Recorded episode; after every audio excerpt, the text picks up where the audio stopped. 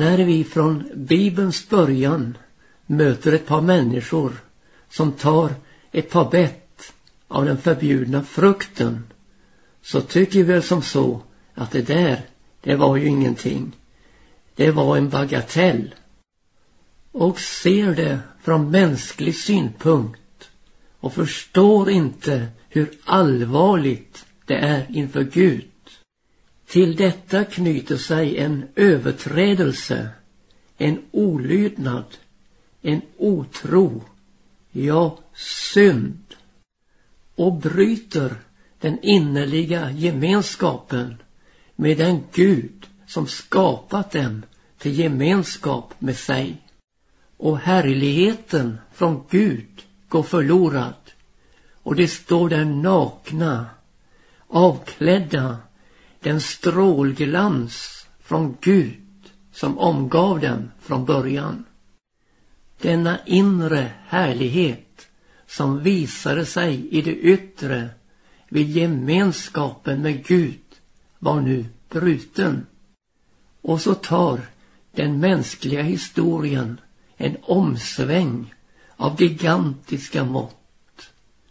Ordet synd skulle bli ett av Bibelns mest frekventa ord. Ja, det blev så förknippat med människan och hennes fallna natur. Att Bibeln talar om för oss att alla har syndat och är i avsaknad av härligheten från Gud. Alla, ja alla har syndat. Ja, synden kom att lägga emellan människan och Gud som en fruktansvärd blockering i hennes gudsförhållande. Det var mot Gud överträdelsen ägde rum. Det var mot Gud olydnaden skedde. Ja, det var mot Gud otron uppenbarades. Och det var mot Gud synden inträffade. Och det är just detta som gör synden så oerhört allvarlig och dödbringande. För utan förbindelse med Gud är människan förlorad. Och trots denna pågående katastrof rycker man på axlarna i nonchalans över syndabegreppet. Och menar på, det är ju ingenting. Men min vän, giftet från den förbjudna frukten visar sig i generation efter generation i överträdelse, olydnad, otro, ja synd, synd inför Gud.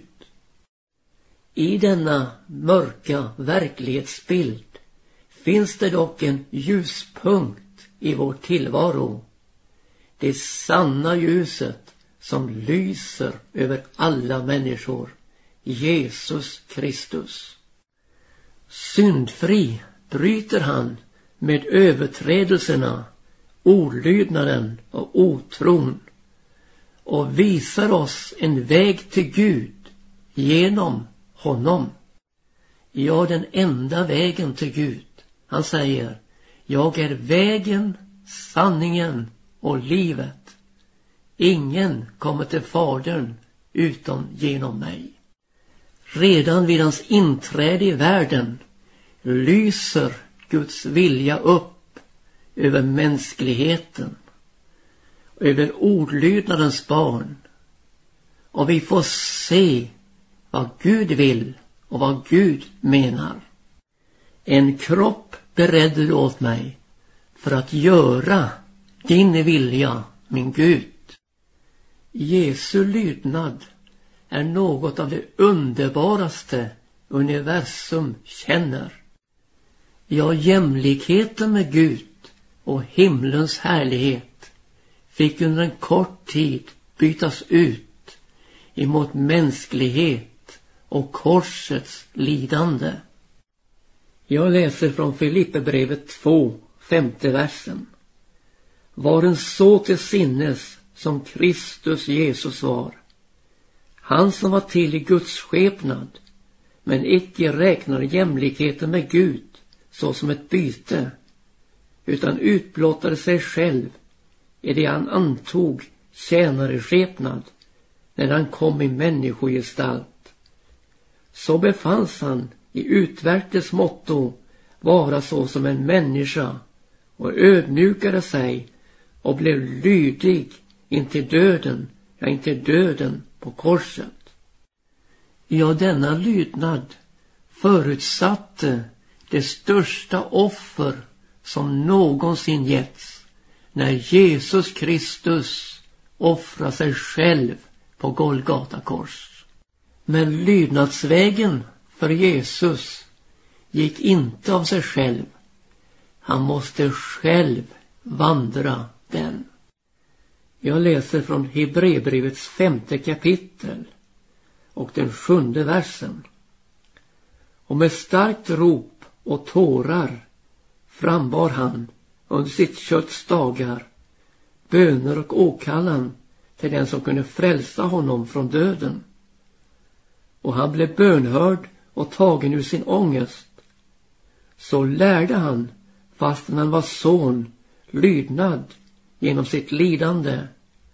Och när han hade blivit fullkomnad blev han för alla dem som är honom lydiga upphovet till evig frälsning. När Jesus lärde lydnad så förstår vi av sammanhanget där att det måste varit dagar av kamp, av vånda, ja av nöd för att leva, ja för att lära Guds vilja och lydnadsvägen som han skulle beträda. Och så kom vi fram till Getsemane örtagård. Det här skulle nu ställas på sin spets. Guds vilja, lydnadsvägen mot korset. Och vi står där, du och jag, på avstånd som lärjungarna gjorde och ser honom i denna enorma bönekamp. Fader, gånge denna kalk ifrån mig, dock icke vad jag vill, men vad du vill. Han kommer till sina sovande lärjungar för att få stöd, men vänder tillbaka med samma ord och samma nöd och samma intensitet gånger denna kalk ifrån mig. Dock icke vad jag vill, men vad du vill, fader. Hans svett blev såsom blodsdroppar i denna enorma kamp. Och en ängel från himlen träder till och styrker honom. När han nu ännu en gång ber samma ord. Fader, gånge denna kalk från mig dock icke vad jag vill, men vad du vill. Och här läggs, efter Guds vilja, världens samlade synd på Jesu kropp. Vilken belastning, vilken börda. Större än alla andra bördor som någonsin burits då Jesus bar vår synd, din och min synd, i sin kropp upp på korset. Som här blev lagt på Jesus för att bäras de sista stegen mot Golgata.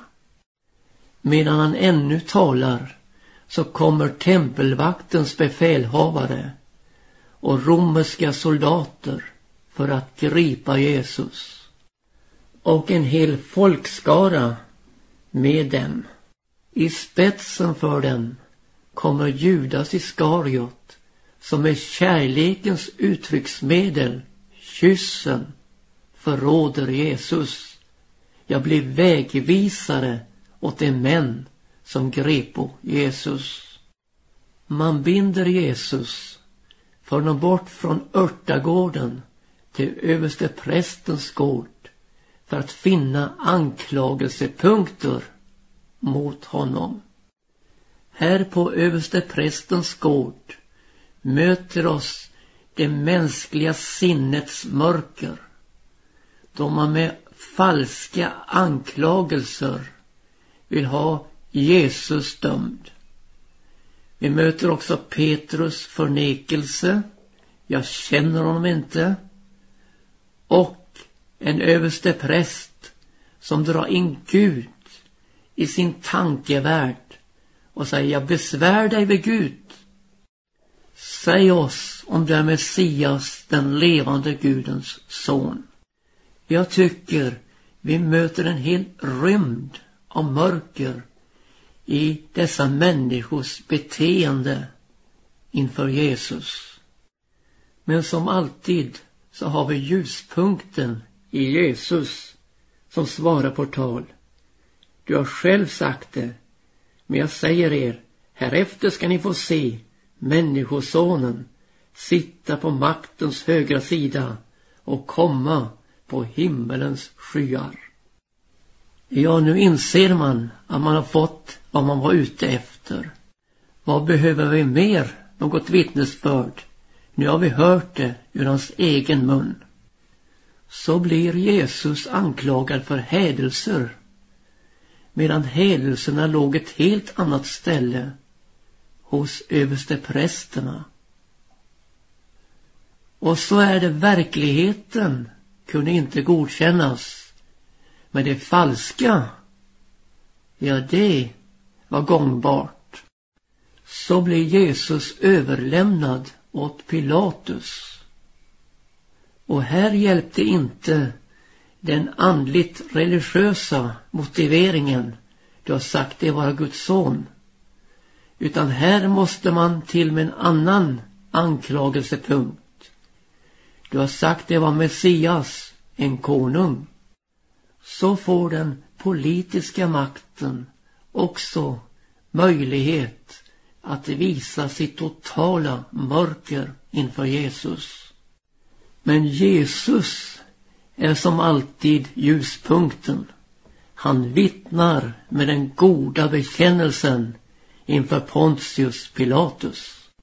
Frågan ställs, är du en konung? Ja, därtill är jag född och därtill har jag kommit i världen att jag ska vittna för sanningen. Så frågar Pilatus, vad är sanning? Ja, sanningskriteriet är så påfallande i Jesu vittnesbörd. Men Pilatus inser inte att den personifierade sanningen i Jesus Kristus, han som är sanningen, står framför honom. Utan han har fortfarande sitt frågetecken. Vad är sanning? Turerna går från Pilatus till Herodes och tillbaka till Pilatus och vidare ut till folkmassan som tar fram Jesus och visar honom för folket. Pilatus som önskar att kunna ge Jesus fri tar fram ett fat med vatten och tvättar sina händer och säger jag är oskyldig till denne mans blod. Men du, det hjälper inte med att tvätta händerna när det ska till en hjärtetvätt. Därför, när korsfästropen ljuder, korsfäst, korsfäst honom, så viker Pilatus undan och bjuder att så ska ske. Så går vägen vidare, lydnadsvägen mot Golgata med korset lagt på Jesu skuldror. Han bar själv sitt kors. Hans händer och fötter blev genomborrade av spikarna när han fästs vid korset. Så reses det upp i den upphöjelse Vig av honom där på huvudskalleplatsen. Och där hänger han som en förbannelse för vår skull. För det står skrivet, förbannad är var och en som är upphängd på trä. Men denna förbannelse ska vändas till en välsignelse som världen och universum aldrig har skådat. Den första som fick del i den här välsignelsen, det var en rövare som var korsfäst med honom. Han bad Jesus om en tanke. Tänk på mig när du kommer i ditt rike. Han får svar av Jesus. Sannerligen, sannerligen säger jag dig, idag ska du vara med mig i paradiset. Så ser vi då att det finns en enorm reningskraft i det som här sker på Golgata. Ja, det är Jesu Kristi Guds sons blod som utgjutes för våra synder. Och det ger syndaförlåtelse, paradis och himmel tillsammans med Jesus för denne rövare som hänvände sig till Jesus. Den andra rövaren på den andra sidan om Jesus, han gick miste om allt därför att han hånade och han hänvände sig inte till Jesus i sin nöd utan dog med oförsonade synder. Tänk så nära livskällan Jesu Kristi renade blod och ändå gå förlorad. Ja, här ser vi hur oerhört viktigt det är med det personliga mötet med Jesus. Bespottelserna når Jesus med de mest avskyvärda uppmaningar. Stig ned från korset. Andra har han hjälpt. Nu har han hjälpa sig själv och stiga ned från korset så ska vi tro på honom. Människor blir aldrig så bespottande som inför korset, inför försoningen. Det sker vad skriften säger. Dina smädares smädelser har fallit över mig. I ett semane där kom en ängel från himlen och styrkte honom. Men här vid Golgata står mer än tolv legioner änglar redo att befria Jesus från korset med minsta vink från hans sida. Men lydnadsvägen förutsätter att inte en enda ängel får lov att ingripa. Undra på att änglarna åstundar att skåda in i en sådan frälsning. Vid sjätte timmen kom över hela landet ett mörker som varade intill nionde timmen i det att solen miste sitt sken. Men där vid den nionde timmen kommer segerropet från Jesu läppar. Det är fullbordat. Och så vidare. Fader, i dina händer befaller jag min ande. Så uppgav han andan och dog för oss på korset. Då bryter ljuset fram. Inte bara det att solen lyser igen utan ljuset från det allra heligaste. Härligheten från Gud når oss i det att förlåten i templet har rämnat i två stycken uppifrån och ända ner. Ja, det som rämnade, det som brast var Jesu kött, Jesu kropp som offrades för oss. Och här invigs för oss en ny och levande väg in i det allra heligaste, ja in i Guds himmel genom Jesu kropp, genom Jesu kött. förlåten som brast för oss. Precis där blockeringen fanns. Där våra synder blev lagda på honom i hans kropp. Precis där öppnades vägen genom Jesus för oss. Genom denna förlåt, genom denna kropp som blev offrad för oss på Golgata. Och så får vi uppleva en rening från synderna genom Jesu Kristi, Guds sons blod som renar från all synd. Det var detta Jesu lydnad åstadkom för oss.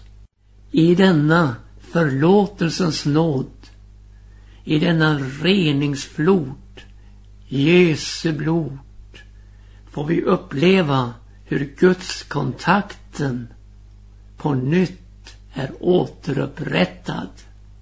Så ligger denna frälsning till reds åt oss.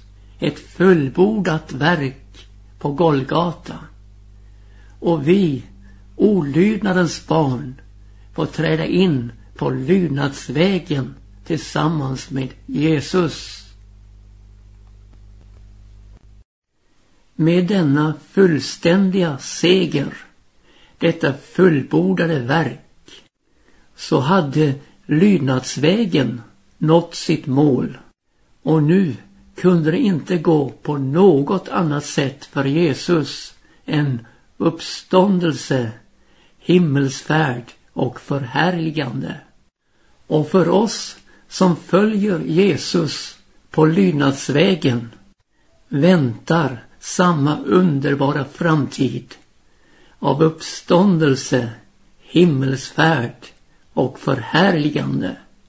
När Jesus hämtar dem som hör honom till för att för alltid få vara hos Herren.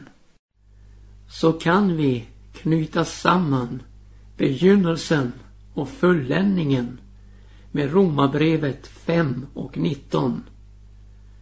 Ty så som genom en enda människas olydnad det många fingo stå såsom syndare så skall och genom en endas lydnad de många stå såsom rättfärdiga. Det är Jesu förtjänst det. Det är Jesu lydnad.